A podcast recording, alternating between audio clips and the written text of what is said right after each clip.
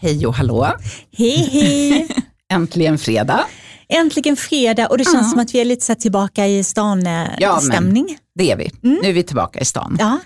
Nu vill man få bort det här lite gråa som man kan känna efter att man har varit i sol och lite sådana saker tycker jag. Ja, och jag tror att det är en ganska vanlig myt att man tänker att man får inte pila sig någonting för att då blir av med all solbränna. Mm, och det är ju inte sant. Nej, det, utan det är mer att man blir av med den här ganska tråkiga, trista. Ja, de och sen får man fram lysten istället. Ja, förbrukade hudcellerna försvinner. Ja. Det tänkte jag faktiskt på eh, bara ganska nyligen, mm. helt enkelt, när jag tittade på en persons hud. Ja. Eh, och Det kan ju vara så att man tycker att man har en jättefin hud och många har en jättefin hud också. Men det syns faktiskt, alltså som hudterapeut så är man ju lite yrkesskadad, mm. men det syns ju ändå på en hud om man aldrig pilar. Ja, det blir det. ingen lyster. Nej. Det handlar inte om att man inte har något, man, man pilar ju inte för liksom att inte enbart i alla fall för att få bort liksom, pormaskar eller komedoner eller sådana saker, utan det är ju för att få lite lyster och att de efterföljande produkterna ska ha lite effekt. mer effekt. Ja. Så att de kan liksom penetrera något längre Mm. än vad de gör om man har en torr död yta. Så det tror jag är ett vanligt fel.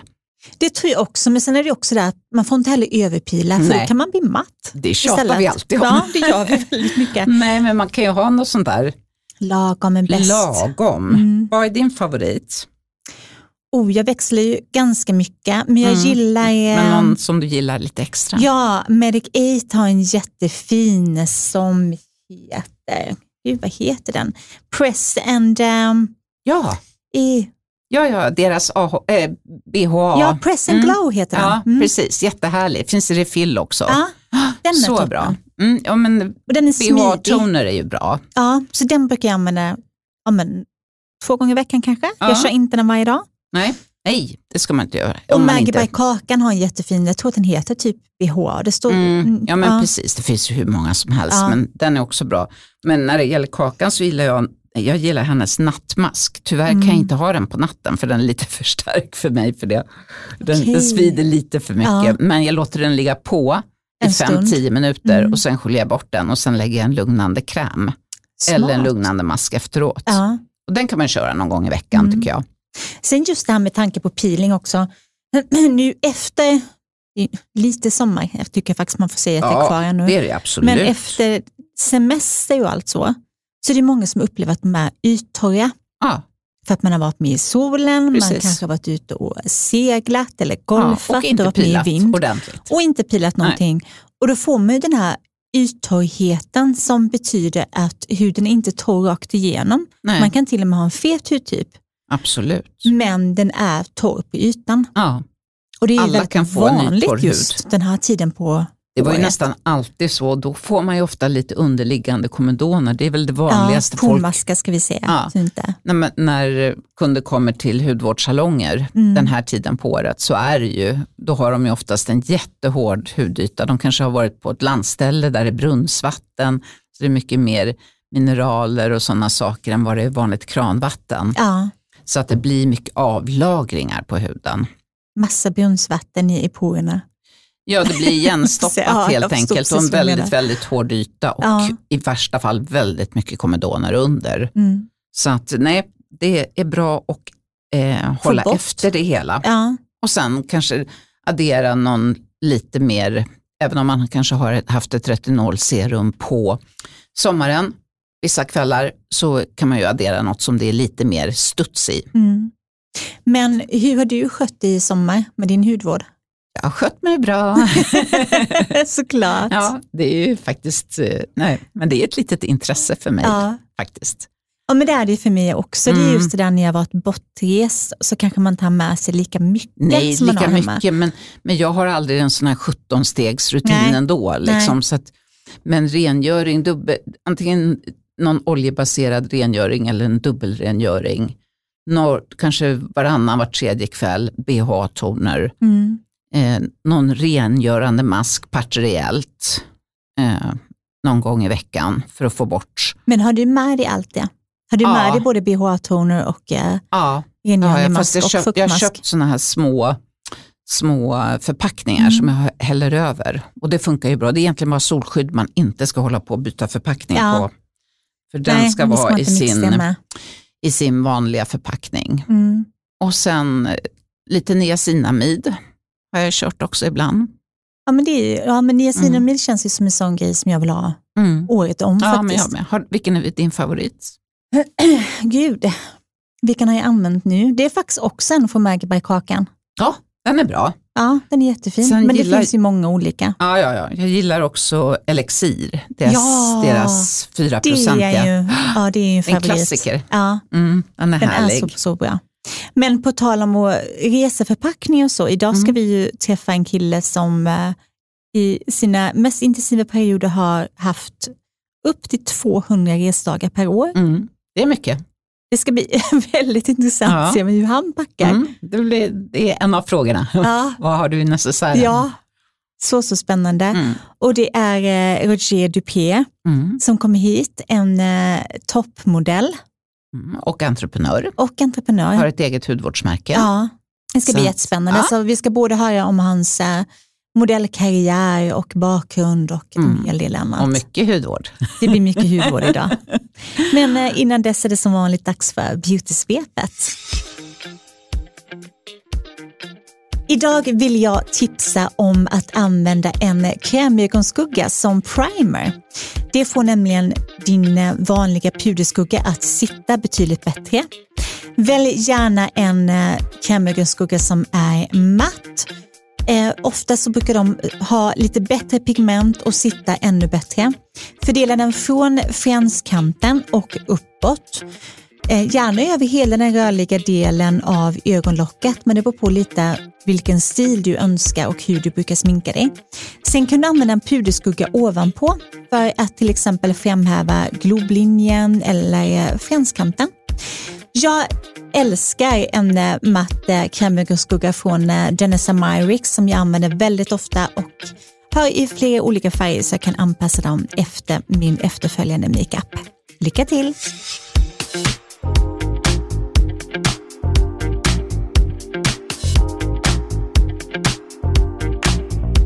En fotbollsspelande toppmodell med världen som arbetsplats. Han har fotats för bland annat Vogue, Kenzo och H&M, festat med Lady Gaga och Naomi Campbell, men är även en föreläsare som är intresserad av personlig utveckling och beteendevetenskap och dessutom hudvårdsentreprenör. Välkommen till hudvårdsdjungeln Roger Dupé.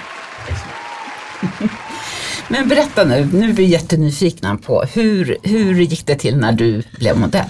Sökte du till någon agentur eller? Mm, Nej, alltså det var en hel slump. Eh, Jag är ju från Västerås från början och eh, fotbollskille som man är eh, var modebranschen så långt borta. Liksom. Eh, Så jag var bara i Stockholm för att shoppa kläder och eh, sen sprang vi runt i liksom, butiker och det fanns en, en butik mitt emot Åhléns där vi var inne och sen efter så blev jag då scoutad, som det heter, förföljd av två personer. Eh, Men jag trodde mer att de trodde att vi hade tagit någonting. Så det var liksom en konstig, konstig känsla.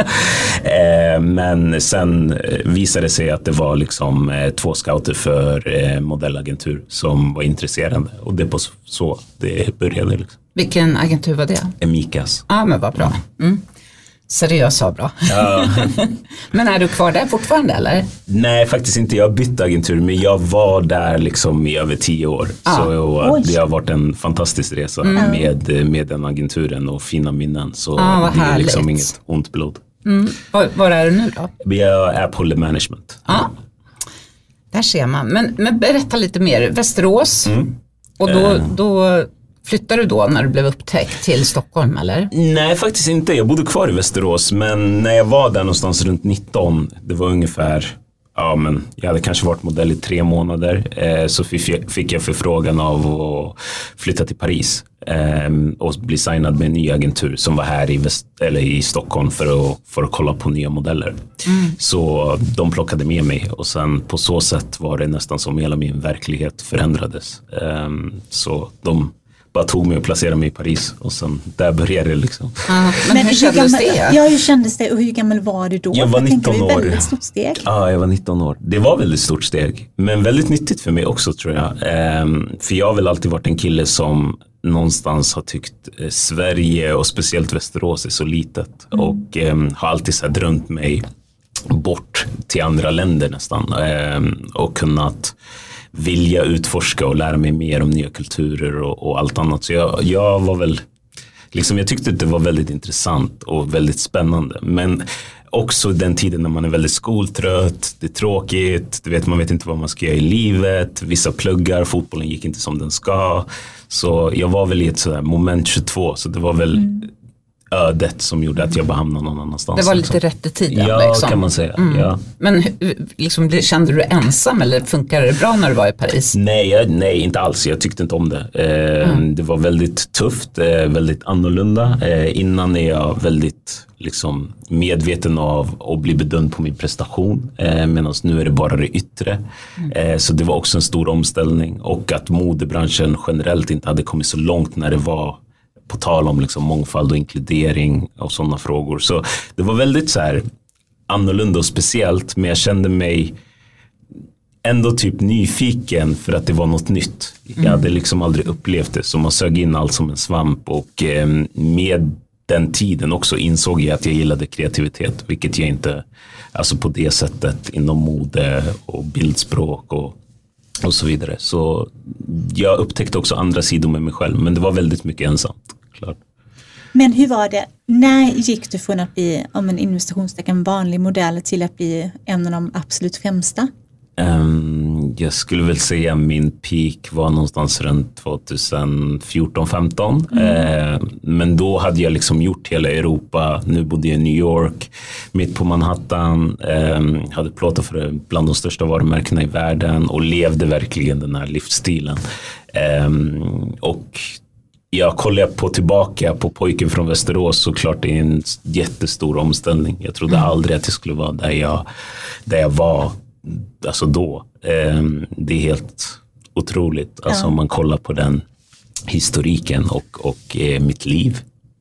Men hur var han då, den här lilla killen i Västerås om du jämför med killen på Manhattan? Ja, han, var väldigt, han var väldigt sprallig. Eh, en sprallig kille som bara ville spela fotboll och Härligt roligt. ju. Ja, exakt. Så lite idylliskt. Det var verkligen så här, man är småstadskille så man har en annan typ av approach till livet. Mm. Eh, mycket så här, hänga med kompisar, spela fotboll och göra mycket aktiviteter. Eh, allt sånt här liksom festande och så kom väldigt sent i mitt liv. Mitt liv var väldigt fyrkantigt. Eh, från väldigt ung ålder till typ 18. Vad berodde det på tror du? Att, För att jag satsade så mycket på fotboll. ja, just det. Ja, så och det då var- måste man ju ja, träna. Liksom. Exakt. Ja, absolut. Det låter tryggt och bra, Ja, tänker jag. det är också en väldigt bra barndom tror jag, att Ja, hålla på med men- idrott. Ja, men jag tror det. Mycket så här disciplin men också ehm, jobba tillsammans med folk. Vilket jag tycker är väldigt roligt. Eh, men också att kunna så här, ja, men prestera och eh, kunna pusha sig själv till nästa nivå. Och, eh, man får ett annat typ av mindset och organisera sig och, och så vidare. Så jag tror att liksom sport och eh, ja, men vad säger man, gemensamma sporter är väldigt bra för ens uppfostran. Ja, typ. lagsporter, Mm. otroligt bra egentligen vad det än är. Men mm, då slutade du med fotbollen i samband med att du blev modell, för då gick det ju inte längre. nej, liksom. precis. Nej, jag fattar. Saknar du det? Ja, det känns nästan Mm. Du som får att spela det, korpfotboll. Ja, det gör jag ibland faktiskt. Nej, men det gör jag. För Ja, att det det, det, gick, det gick väldigt bra för andra, andra kompisar också och då har man väl aldrig, alltid haft den här tanken, liksom, det kunde ha gått. Ja. Eh, om man hade varit lite mer disciplinerad. Ja, just det. Men du har haft några så här riktigt stora prestigejobb. Mm. Vilka har varit roligast? Um, svår fråga ändå. Eh, för att man jobbar ju mycket med team och sen också vilka destinationer man är på. Men eh, H&M har väl varit en kund som jag har jobbat väldigt länge med och på fantastiska platser och, och syns liksom på billboards på Times Square och över hela världen. Så den kunden håller jag definitivt kär. Ehm, men sen också Rolls Royce var ju ett historiskt jobb som Ja, jag såklart. gjorde. När var Ehm, det? Jag tror att det var 2017 om jag inte 17, 18. Ja, det är ju ett riktigt ja. prestigeuppdrag. Faktiskt. Ehm, och där blev det liksom historiskt. Så det är väl också någonting som jag känner att jag banade vägen och gjorde en förändring typ i, Ja. i industrin på så sätt. Men vad Ehm, menar du med historisk? Eh, För de hade aldrig liksom, eh, Rolls Royce plåtade inte kommersiella jobb till en början. Och nu när de skulle göra det med den här framtidsbilen, då var det mycket snack om liksom så här, ja men ehm, framtiden, hur kommer framtiden se ut? Och nu började alla prata om liksom mångfald och inkludering, då började det bli hett på tapeten. Så då var det så här, okej men just det, Barack Obama hade också blivit den första svarta presidenten, så det hade blivit Ah, mycket, så här, mycket, mycket surr om det här i, i världen. Ja, var framförallt. vad bra. Ehm, ja, Ja. och eh, då kände de att de ville ja, men, haka på det här tåget. Så nu fick jag ju veta i efterhand att det var ja, men mellan mig och en till skådespelare och då var det Idris Elba. ehm, Som Wow. de eventuellt ville ha Ja, innan. coolt. Ja, så det var, det, var, det var roligt att man lyckades ta sätt. den, Ja, ta den ta den platsen. Ja. Liksom. Så det var, ja, det Det var, du det var roligt. Ja. Men sen har man haft alla andra så här editorial jobb som det heter, plåtningar där man fotats för Vogue och gått visningar i Milano och Paris. Festat med kändisar och träffa folk som jag aldrig liksom skulle kunna tänka mig eller vara i dessa rum.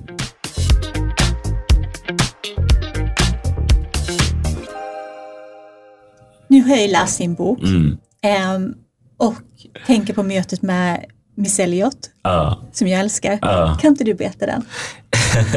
Ja, men det var ganska roligt för att eh, jag var på en klubb och festade med några modellkompisar och eh, då träffade jag Ja Rule eh, som var en väldigt känd hiphopartist eh, på 90-talet. Och eh, innan jag började modella så sa alla att jag liknade en supermodell som heter Tyson Beckford. Och eh, det är ja, men, den första svarta supermodellen i USA typ. Och de tyckte att vi såg likadana ut och ehm, då tror Jerul att jag är Tyson Beckford för Nej, men han är jätte, jättefull. och jag spelar med på den här vågen så han tror ju att jag är Tyson Beckford. Så vi är med varandra, festar, går på efterfest och sen träffar jag Miss Elliot. Och nu är jag i ett rum där jag träffar liksom, ja men jättestora kändisar och eh, så säger han så här, ja men have you meet my guy Tyson? Och sen alla bara står och garvar och bara, nej, du vet, det är inte Tyson Beckford. Men erkände du då att du inte var Ja, honom? till slut, Ja. självklart, självklart. Och då började alla skratta, men det var roligt att man bara, speciellt i New York där folk är så öppna och bara vill Ja. ta med dig och ha roligt. Ja, så det ja, ja. blir liksom att man kan, man kan spela på det lite. Så du det var kapar inte hans identitet Nej, utan du lånar den bara jag lite lånar den lite. Jag lånar den lite. Ja, kan den allt ha, tänker jag. ja, ja men precis, absolut. Men jobbar du mycket som modell än idag så att säga? Har du tid med det eller? Det är mindre, men jag gör det lite då och då. Mm. Ja. Ehm, men jag skulle säga att eh, Melion som mitt hudvårdsmå, eh, hudvårdsmärke heter Ja. tar mest tid. Liksom. Det förstår jag Mm. faktiskt. Men dina föräldrar, de kommer ju från två olika afrikanska länder. Vilka då? Ghana och Togo, Västafrika. Ja. Men har du, har du fått med dig några bra skönhetsrutiner från deras kulturer? Ja, alltså mycket av eh, en del ritualer. Alltså man använder ju shea. Är, ja, men framförallt Ghana är en av liksom västafrikans, ja men den som producerar mest shea butter i hela Västafrika.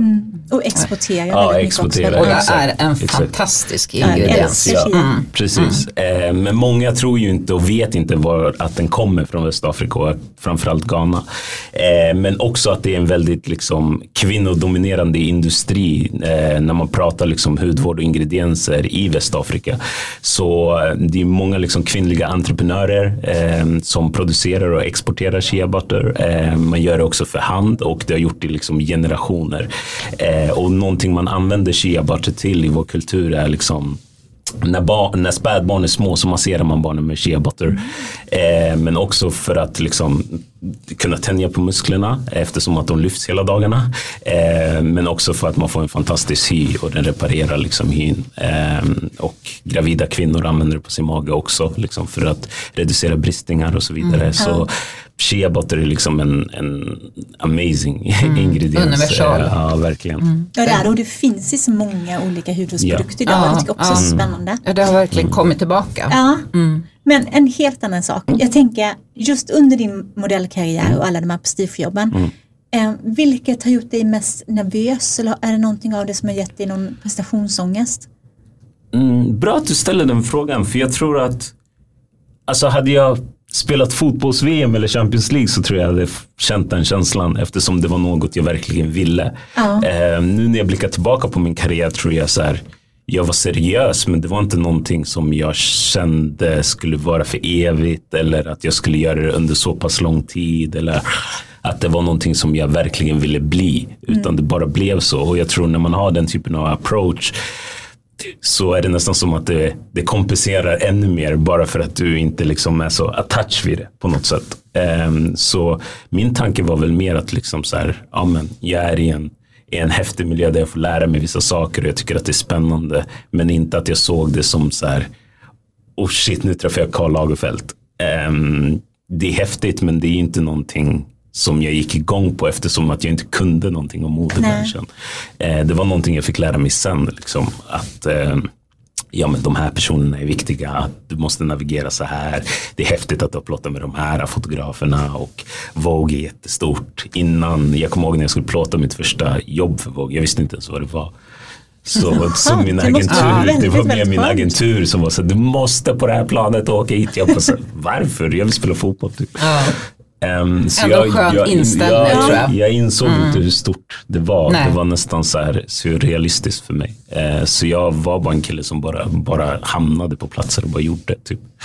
Lite med go the flow. Ja, verkligen, verkligen. För det var inget som jag såg som, jag visste inte ens att man kunde leva som modell. Alltså, det, var så, det var så långt ifrån mig. Men nu när du ser, liksom, inte bara att du är ju Mm. mitt i det, men, men när du kan, ändå kan se tillbaka några år, Mm. Tycker du då att du har lärt dig någonting av modebranschen? Otroligt mycket. I så fall vad? Jättemycket. Alltså min, min kvinnosyn till exempel. Eh, men också att, eh, att man får lära sig liksom att se olika ideal på olika sätt. Eh, både positivt och negativt. Eh, men också se liksom hur eh, mode speglar det samhället vi lever i. Eh, vilken kraft och förändringskapacitet det har. Eh, vilka så här, kulturella förankringar det har i historien och så vidare. Eh, så mode är ju liksom inte bara någonting som är trendigt. Det finns liksom ett, ett arv i det. Det finns en historik. Ja, det är en hel finns värld. Ja, det finns en liksom politisk position i det också.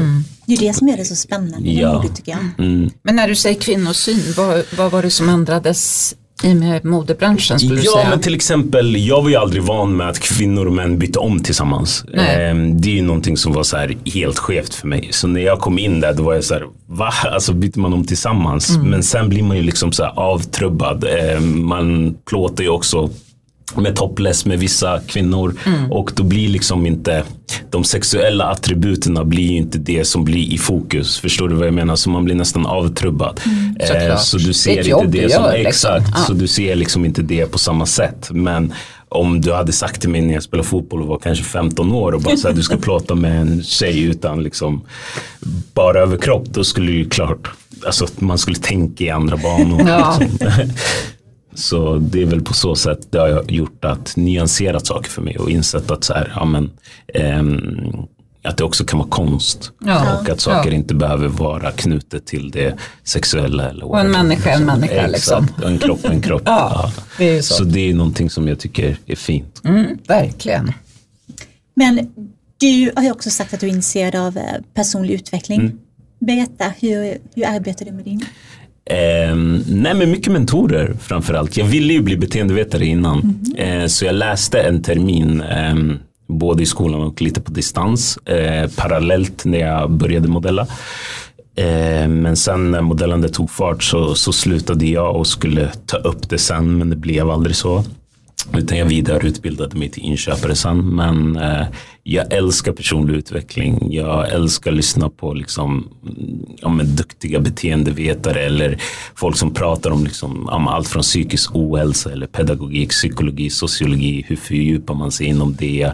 Varför beter sig människan som den gör? Hur kan liksom en person komma från alltså, förfärliga omständigheter men ändå lyckas bygga miljonbolag och sen hur kan någon som har alla förutsättningar i världen liksom hamna på gatan. Så jag tycker det är skitintressant att kolla så här, vilka parametrar gör att saker kan vackla eller gå i rätt riktning eh, och vilka beslut du tar och hur mycket liksom så här, ehm, ditt mindset eh, kan ta dig eh, dit du vill. Eh, oavsett vilken bakgrund du kommer ifrån. Liksom. Mm. Jag tänkte jag på när du sa initialt mm. att när du var liten mm. tänkte du mm. att du bodde i andra länder. Ja, och det där tror jag jättemycket ja. på, tankens kraft. Mm. Och sen att du gärna säger det också. Ja, För då blir det på något sätt en sanning.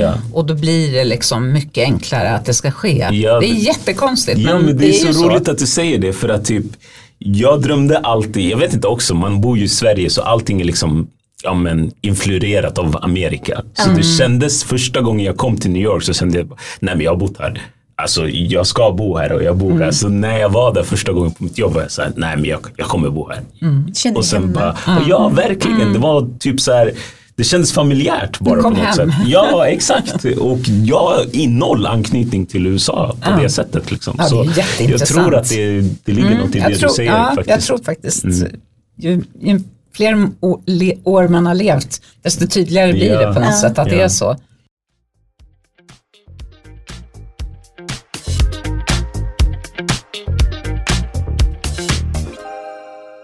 Det här avsnittet av Hudvårdsdjungeln sponsras av Foreo och deras varumärke FAQ Swiss som erbjuder fantastiska salongsbehandlingar för hemmabruk.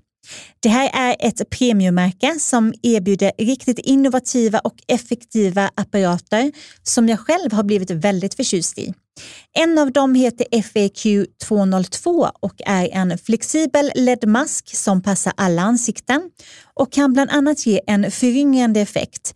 Men den har också många andra egenskaper beroende på vilket program du väljer att använda.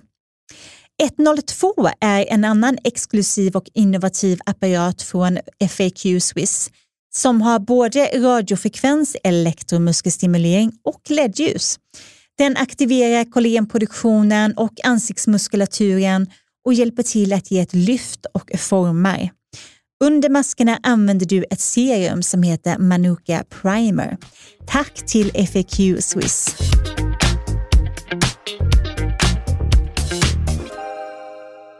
Men du är ju också författare. Så ja. Elin har ju nämnt din bok. Ja. Hur kom du på idén? Um, idén var ganska rolig för att det var också någonting som jag inte alls hade tänkt på. Um, det är också en helt annan värld. Alltså bokvärlden är så långt bort från mig som möjligt. Jag gillar att lyssna på poddar mycket. Um, jag gillar också att lyssna på böcker mer än läsa böcker. Mm. Men eh, jag började som sagt föreläsa när jag flyttade hem från USA till, till Stockholm. Och eh, då satt en förläggare på min föreläsning och lyssnade på min story och hon förstod inte varför hon inte hade hört om min story innan eftersom jag hade gjort så liksom, stora grejer. Eh, och hon bara, du måste skriva en bok, du kan inspirera så många unga med det här och hjälpa så många unga och ta liksom en annan väg i livet och så vidare. Så jag bara, ja men det låter intressant men hur skriver man ens en bok? Liksom. Eh, och där insåg jag inte heller liksom, de, hon kommer ju från Norstedts förlag och det är ett av liksom Sveriges största förlag. Ja. Ehm, så det är... bara det liksom så här. Jag, ibland är det så här konstigt, det är nästan som man är lite naiv. Att saker kommer och när jag inte blir så här obsessed vid det, då blir det så här, ja men jag tar det lite på volley ja. och sen pratar jag lite om det och sen bara okej okay, men vi kör och sen blir det bra till slut ändå. Eh, men eh, då kände jag bara så att det var lite läskigt men kan jag hjälpa andra? Eh, varför inte? Och sen samtidigt så skulle jag väl själv kunna identifiera mig med med någon som har en liksom snarlik bakgrund och så vidare. Så det, var, eh, så det är det boken handlar om? Ja, delvis det, liksom hur, mm. hur man tar sig ut. Jag är ifrån Eh, ja, men de kallar det liksom ett problemområde i Västerås, eh, Bäckby som det heter. Eh, och ja, men många väljer väl kanske en, en, en dålig väg och andra har väl lyckats liksom mm. bana vägen på en bra väg. Och då är det så här, det vi var inne på lite så här, okej, okay, men vad gjorde så att du valde den bättre världen? Mm. Hur lyckades du ta dig ur? Hur lyckades mm. du, du göra det? Liksom, ja, så gäller det att ta höger eller vänster. Och speciellt där är det ju så här, om antingen blir du fotbollsspelare eller kanske rappare och då är det så här, okej, okay, men det finns andra möjligheter också. Du kan mm. liksom lyckas och bli vad du vill, bara du liksom se någon annan göra det du gör som du kan identifiera med eller titta upp och bara få information och bara okej okay, modevärlden eller entreprenörskap, okej okay, vad är det? Liksom. Eller författare. Ja, ja. ja, exakt. Att det finns folk från de områdena som mm. gör saker också. Liksom. Mm. Ja, så det var superviktigt väldigt, ja. och så bra. Mm. Finns de som blir supermodeller där med? Ja, ja eller hur. Eller hur. Men, Men just där med tanke på modellandet. Mm. Ser du att det blivit mer inkluderande sen du började? För nu har du hållit på hur länge? Typ? Ja, 12 år. Ja. Typ. Eh, ja, definitivt. Definitivt, men vi är långt ifrån klara. Mm. Jag tycker att oftast går det liksom så här, okej okay, men för att det är en trend, eh, fyra steg framåt och man tänker att man är där, sen går det två steg bakåt igen. Det händer väl någon, någon incident, sen är man på ruta ett igen. Liksom. Men jag tror att mycket behöver ske liksom eh, på toppen. Eh, ja. Jag tror många företag borde rannsaka sig själva och inte bara tänka på liksom, okay, hur ser våra kampanjer ut. Mm, eh, nu ska vi ha en sån här person för att det är det som är trendigt. Mm. Eh, hur liksom in... Ja, det blir väldigt genomskinligt ja, när man ser ja, de men Man ser det, ja. verkligen. Eh, men också liksom, hur, hur implementerar vi de här grejerna i våran företagskultur? Mm. Och många tror att när man bara pratar om liksom, om det är eh, mångfald och inkludering, vilket jag är mycket inne och touchar på, att det bara handlar om liksom, okej, okay, men hur ser vi ut utåt? Men det är också liksom, hur ser organisationen mm. inåt? Styrelserummet. Eh, exakt. Mm. Eh, det är ja, viktigt. Men, kvinnor i chefspositioner, mm. löner, hur rekryterar vi? Det är så mm. många andra aspekter än bara färg. Um, och det är det jag tror att folk behöver liksom ta tag i sig själva och rannsaka sig och bara så här, okej, okay, men hur, vad kan jag göra? Och, ja. och hur ser jag på saker? Och sen därifrån får man väl börja liksom, mm. eh, neråt i organisationen och sen mm. kommer allting bli bra. Men om man bara kör där nere och taket fortfarande är likadant, då, då, då, blir det problematiskt. Egentligen bättre att börja där uppifrån ja, och sen ta sig neråt. Och så är det inte bara det som syns utåt. Nej, för det blir så genomskinligt ja. på något sätt. Men du, en helt annan sak mm. som jag kom på nu när du då drog till Paris, om vi mm. bara hoppar tillbaka, tänk på dina föräldrar. Vad sa du? Sa de ja, lycka till? Eller? Nej, de var väldigt anti. Och eh, ja, för att i min kultur har det väl varit mycket att så här, okej, okay, men Eh, du har möjligheter i Sverige, dina syskon studerar, de har blivit det de har velat blivit. Och jag var kanske en kille som bara gillade att göra saker jag tyckte var roligt. Mm. Så jag var väl en liten outsider ah. alltså, i familjen. Eh, Medan alla andra var så här, okej okay, men jag ska läsa journalistik, min, min eh, bror läser reklam, eh, byggde bolag och, så här, och jag var så här, nej jag ska spela fotboll. Typ. Så mina föräldrar har väl alltid tänkt så här, okej okay, vad ska du bli med den här killen? Typ. Är du yngst eller? Nej, mellersta ah, barnet. Mm. Så det förvirrade barnet kanske. Ja. Ja, men de var nöjda sen när det gick bra för dig. Till slut, exakt. Ja. Men de mm. visste inte innan vad jag höll på med utan de förstod bara att jag var inne i modebranschen men inte riktigt vad jag gjorde. Men sen är det så långt bort så här, kulturmässigt också. Ja. Eh, men sen när de såg mig på vissa, jag kommer ihåg JC, jag gjorde ju en, en Sverige-kampanj med JC som var överallt. Mm. Och på tv och sen var de så här, hur hamnar du här? Liksom? ja, det är väldigt lik vår son. exakt, exakt. Så det var väl där det började liksom sätta sig i dem och sen efter det när jag började resa mer mm. Eh, och jag kommer ihåg att det kom massa lönespecifikationer från Mika så de bara, vem är det här Mika? Bara, får du massa brev från Mika? Så det var, det var en väldigt stor omställning för mm. min familj men det var, det var kul när de började förstå och mm. att det var någonting som jag gjorde och det gick bra. Liksom. Ja, och då blev de glada ja, och nöjda. Precis. Ja, men jag utbildade mig så det var efter det ja. de lät mig ja lät mig vara. Ja men det var väl klokt ändå också ja. på andra sätt. Faktiskt. Men äh, vi måste prata lite om ditt hudvårdsmärke också. Ja. Hur kom du in på det? Eh, Melion, rolig resa också. Eh, när jag kom in i modebranschen från första början och när jag började göra jobb på en högre nivå så ja. såg jag också en problematik backstage. Eh, man kommer in med nya ögon så då nästan så här sätter man sig och bara kollar och bara så här, ja men vad gör alla? Varför gör de så? Varför sker vissa problem? Och sen sker ju, alltså incidenter händer alltid liksom backstage som man inte alls vet. Men mm. eh, i de här skedena och de här rummen som jag var i, då var det väldigt ofta vissa makeupartister inte hade koll på liksom eh, olika hårtyper och inte visste hur man tog hand om dem. Så att vissa tjejer blev liksom ja, men förfärligt ledsna backstage när de inte kunde ta, hantera deras hår, eh, brände deras hår, deras hår gick sönder och så vidare. Mm.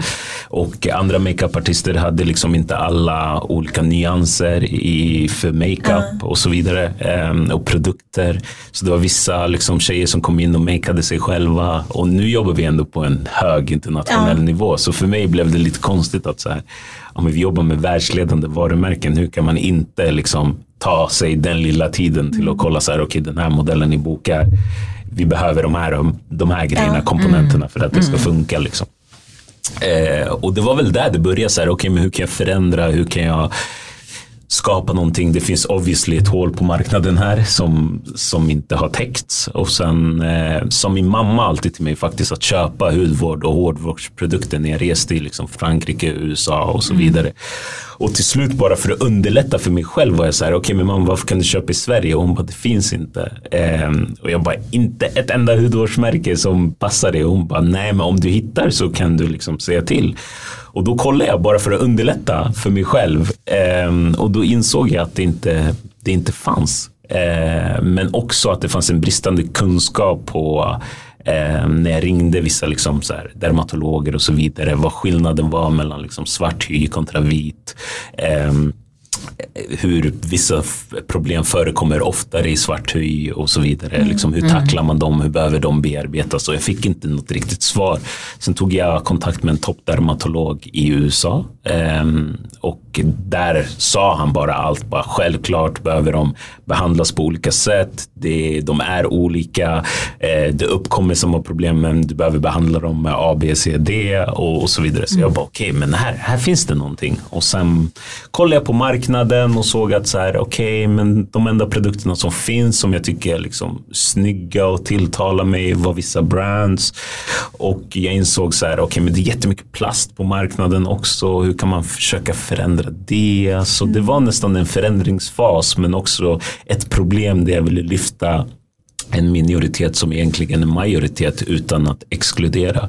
För jag kände också att det blev så två olika fält Eh, framförallt i modebranschen där var det var så här när den här revolutionen kom eh, så var de så här okej okay, men vi bokar bara svarta modeller, vi bokar bara vita modeller. Så det blir så här pajkastning och jag kände bara så här, okej, okay, men varför kan man inte bara inkludera alla oavsett liksom eh, etnicitet eller storlek och så vidare mm. och bara låta alla vara med liksom, och ja, spegla självklart. det samhället vi lever i. Sen behöver man ju inte liksom stänga ner hotkultur och allt det där. Det kan finnas kvar, men kan man vidga sina vyer också? Mm. Eh, kan man skapa storlekar för andra också? Kan mm. man inkludera folk i, liksom, i allt annat också? Så mm. det var väl mest det och sen eh, kom jag på idén att jag ville köra det här för att eh, det fanns ett hål på marknaden som sagt och jag kände bara att jag skulle kunna göra det bättre och att jag skulle kunna göra snyggare produkter. Och utifrån det så vill jag presentera hudvård på ett mer liksom inkluderande och kulturellt sätt. Där jag gillar att prata om dualitet eftersom att jag är ju född och uppvuxen i Sverige. Eh, mina föräldrar är från Ghana och Togo. Och när jag åker hem så är de så här, ja men du är europé och du är svensk. Och när jag är här så är det så här, nej men du är afrikan. Okej, till slut är jag så här, okej okay, men vad är jag? Mm. Så då var jag så här, kan jag bara ta de, det bästa av båda världarna och kunna skapa liksom en produkt som speglar eh, min dualitet. Eh, så mycket av det kulturella kommer liksom från Melion och sen när man kollar designspråket så är det mycket så här skandinavisk minimalistisk design. Mm, jättefin Men, design. Ja. Väldigt, väldigt snygga ja, måste jag säga. Det tycker jag också. Hur många produkter finns det? Vi har 13 totalt mm. eh, och eh, hudvårdsserien består av eh, fyra produkter. Eh, och sen har vi en body lotion också och sen har vi fyra tvålar. Och sen okay. lite så här skålar, ringholder, soap dish och, och bath glove och så vidare. Ja.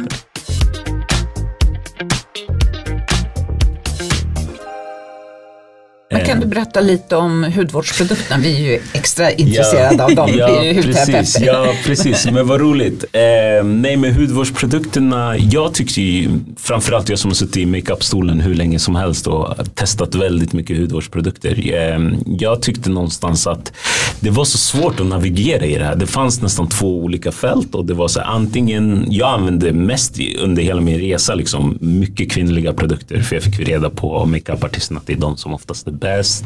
De manliga produkterna är oftast en, en B-kopia av de kvinnliga produkterna. Mm. Med lite mer parfym i. Exakt. Ehm, så någonstans var jag så här, okej okay, men eh, kan män och kvinnor använda samma produkter? Varför måste vi ha olika linjer? Vad är skillnaden? Och sen fick jag reda på, okej, okay, men män har mycket tjockare hy och sen de har mer kollagen, hår i ansiktet. Okej, okay, men om man boostar produkterna med mer fukt, funkar det då? Ja, det skulle kunna funka. Mm. Så för mig var det mer att skala ner allt eh, och kunna förenkla för mm. både konsument och de som använder produkterna. För det känns som att här, man måste ju nästan vara en liten nörd om man ska kunna navigera i alla hudvårdsprodukter som finns på marknaden. Och det mm. känns också som att så här, man hoppar på trender men man förstår inte att det är kemi och att vissa liksom, eh, ingredienser slår ut varandra och kan liksom också eh, ja, men, nästan liksom så här, om skapa mer problem ja, tänkte jag säga än, mm. än vad de hjälper eftersom ja, att du använder så mycket olika produkter hela tiden. Mm.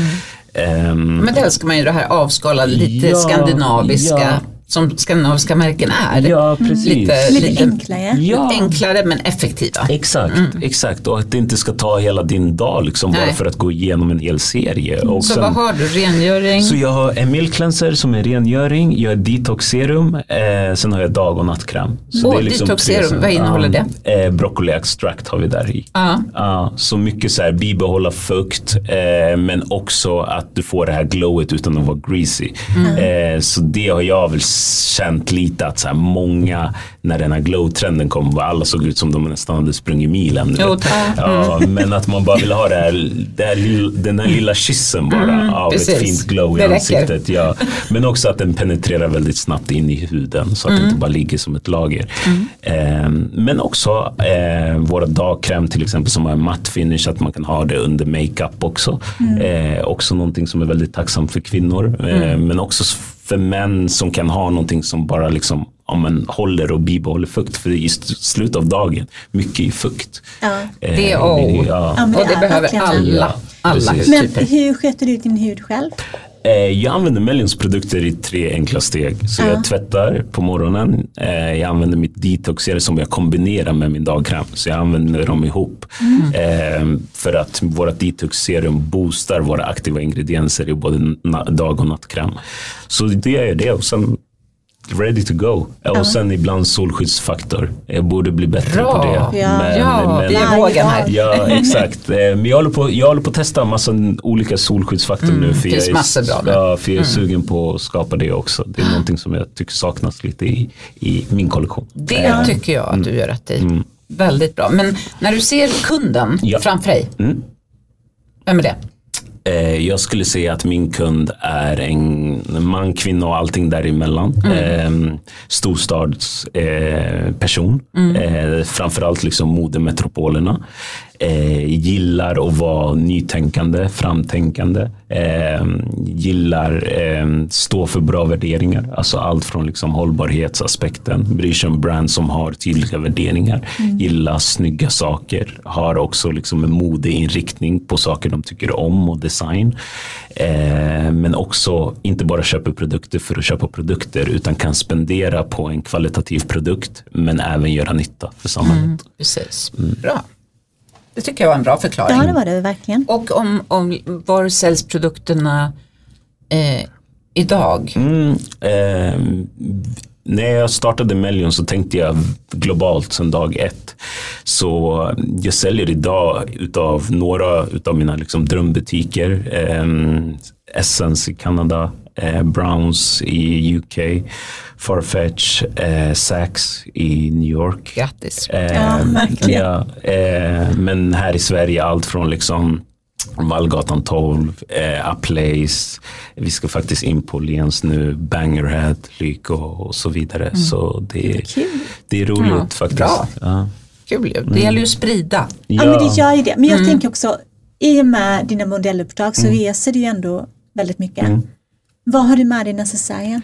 Vad är um, viktigast? Där tänkte jag faktiskt väldigt duktigt eh, när det gäller Melion för jag skapade hela hudvårdsserien i 60 milliliter. Ah, så du kan smart. ta med dig dem och resa mm. med dem. Um, för det var väl någonting som jag kände också när jag reste hela tiden att alla stora cleanser var så här, ja, över 100 mil. Och sen vissa saker i kollektionen vill jag ta med mig men kan inte ta med mig dem på grund av olika faktorer. Mm. Så jag tänkte bara så här, okej okay, men hur kan man tajta till det? Och där är återigen så här, skala ner. Vad är det minsta du behöver? Hur kan du bära med dig din rutin? Och fortfarande så här, okej okay, men det är snygga produkter. De kan stå framme när du är på ett fint hotell någonstans. Så du känner dig liksom att du har en del av dig med dig hela tiden. Mm. Eh, vilket jag tycker är nyttigt. Eh, för annars har det varit så att man får köpa sista minuten produkter. Eh, mm. Eller typ ta det som finns på hotellen. Ja, så, så blir det lite gott och blandat. Lite, liksom. exakt, mm. exakt.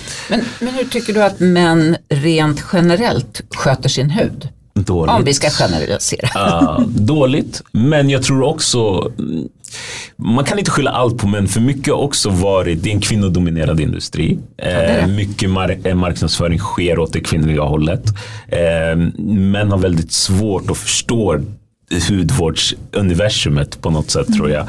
Eh, det har varit väldigt mycket så här, okej okay, men tre, tre in one produkter för män. Eh, mm. För att kunna underlätta med det är kanske inte alltid de bästa produkterna.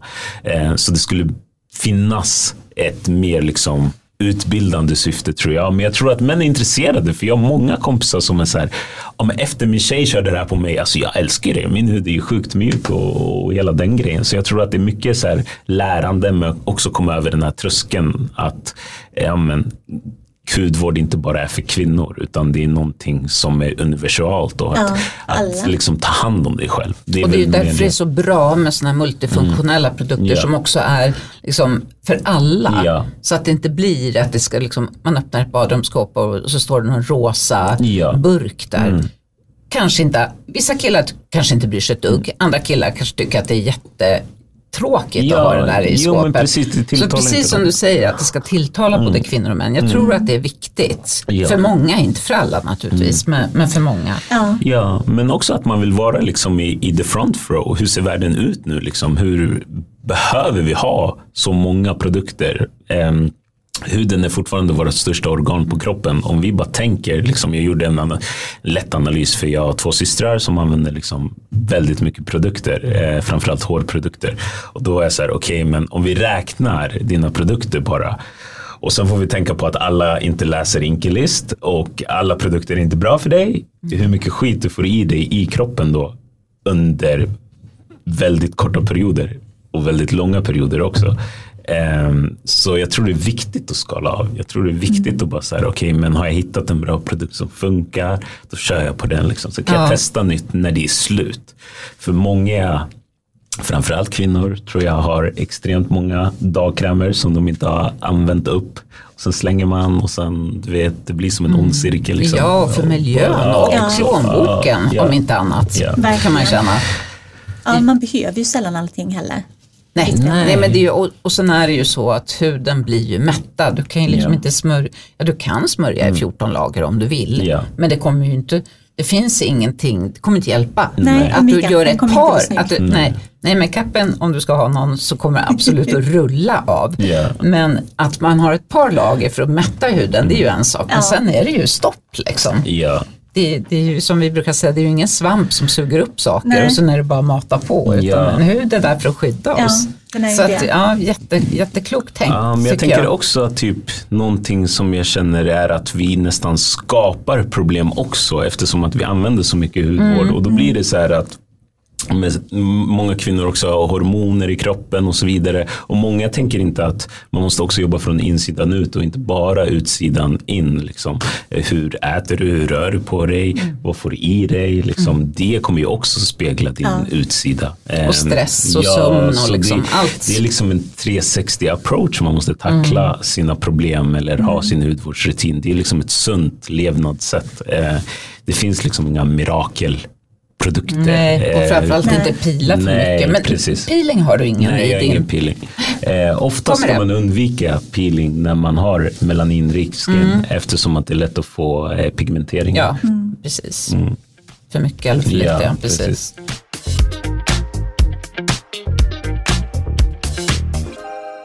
Men vad vill du göra i framtiden?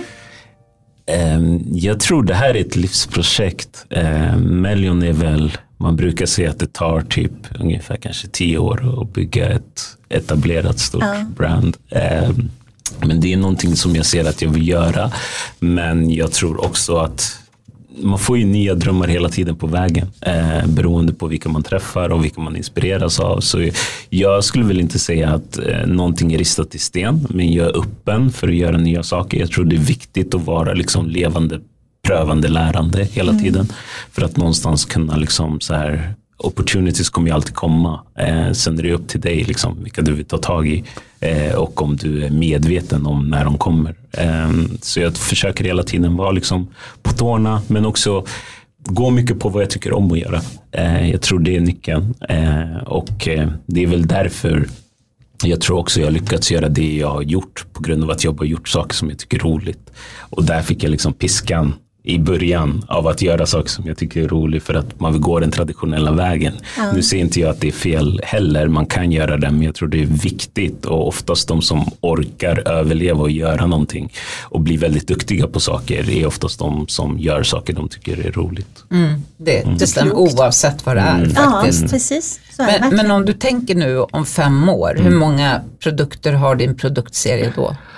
Fem år, ja, då jag kanske har dubblat den. Mm. Mm. Ja, tror jag. Men också att det är nya Mer. kategorier. Ja, eh, så det är inte bara, alltså någonstans känner jag också, jag har ju den approachen less is more. Så jag måste liksom leva som jag lär också. Jag kan inte bara skapa produkter bara för att skapa produkter. Det är jättekul att skapa produkter. Men jag tror också det behöver liksom eh, make sense. Mm. Eh, varför skapar du den här produkten? Vad precis. för Inte för, inte för att det måste komma nej, två produkter precis, per året. Precis, per år. Eh, nej, nej, exakt. Utan eh, mer kanske skapa produkter som har en, en, eh, en roll som höjer eller lyfter en annan mm, produkt. Eh, så man någonstans kan cross-sella. Mm. Men också nya kategorier. Jag, mm. tror, jag tror det är roligt med nya kategorier. Jag tror att man självklart ska äga sin core men att, att bygga ett varumärke varumärke som någonstans kan vara till för många fler olika kategorier. tycker jag är superspännande och jag tycker också det är kul när, eh, när man kan liksom pröva sina vingar för det är ju inte samma sak att skapa hårprodukter som hudvårdsprodukter. Eh, Nej det är det verkligen Så inte, det är två helt blir, olika det saker. Något nytt, liksom. Vad producerar du produkterna? I Frankrike och Spanien, så ja. allt i Europa. Mm. Så Bra. det är kul. Ja. Eh, framförallt med sådana eh, partners eftersom de har så lång historia inom, mm. inom hudvård. Och det gäller att hitta eh. erfarna kemister. Ja, verkligen. Ja, verkligen. Som kan sin sak. Ja, som verkligen. kan sin sak ja. Mm. Tack snälla, snälla för att du kom hit idag. Nej, tack själva. Det var supertrevligt att prata med er. Ja, Jättekul. Ja. Verkligen kul. Tack.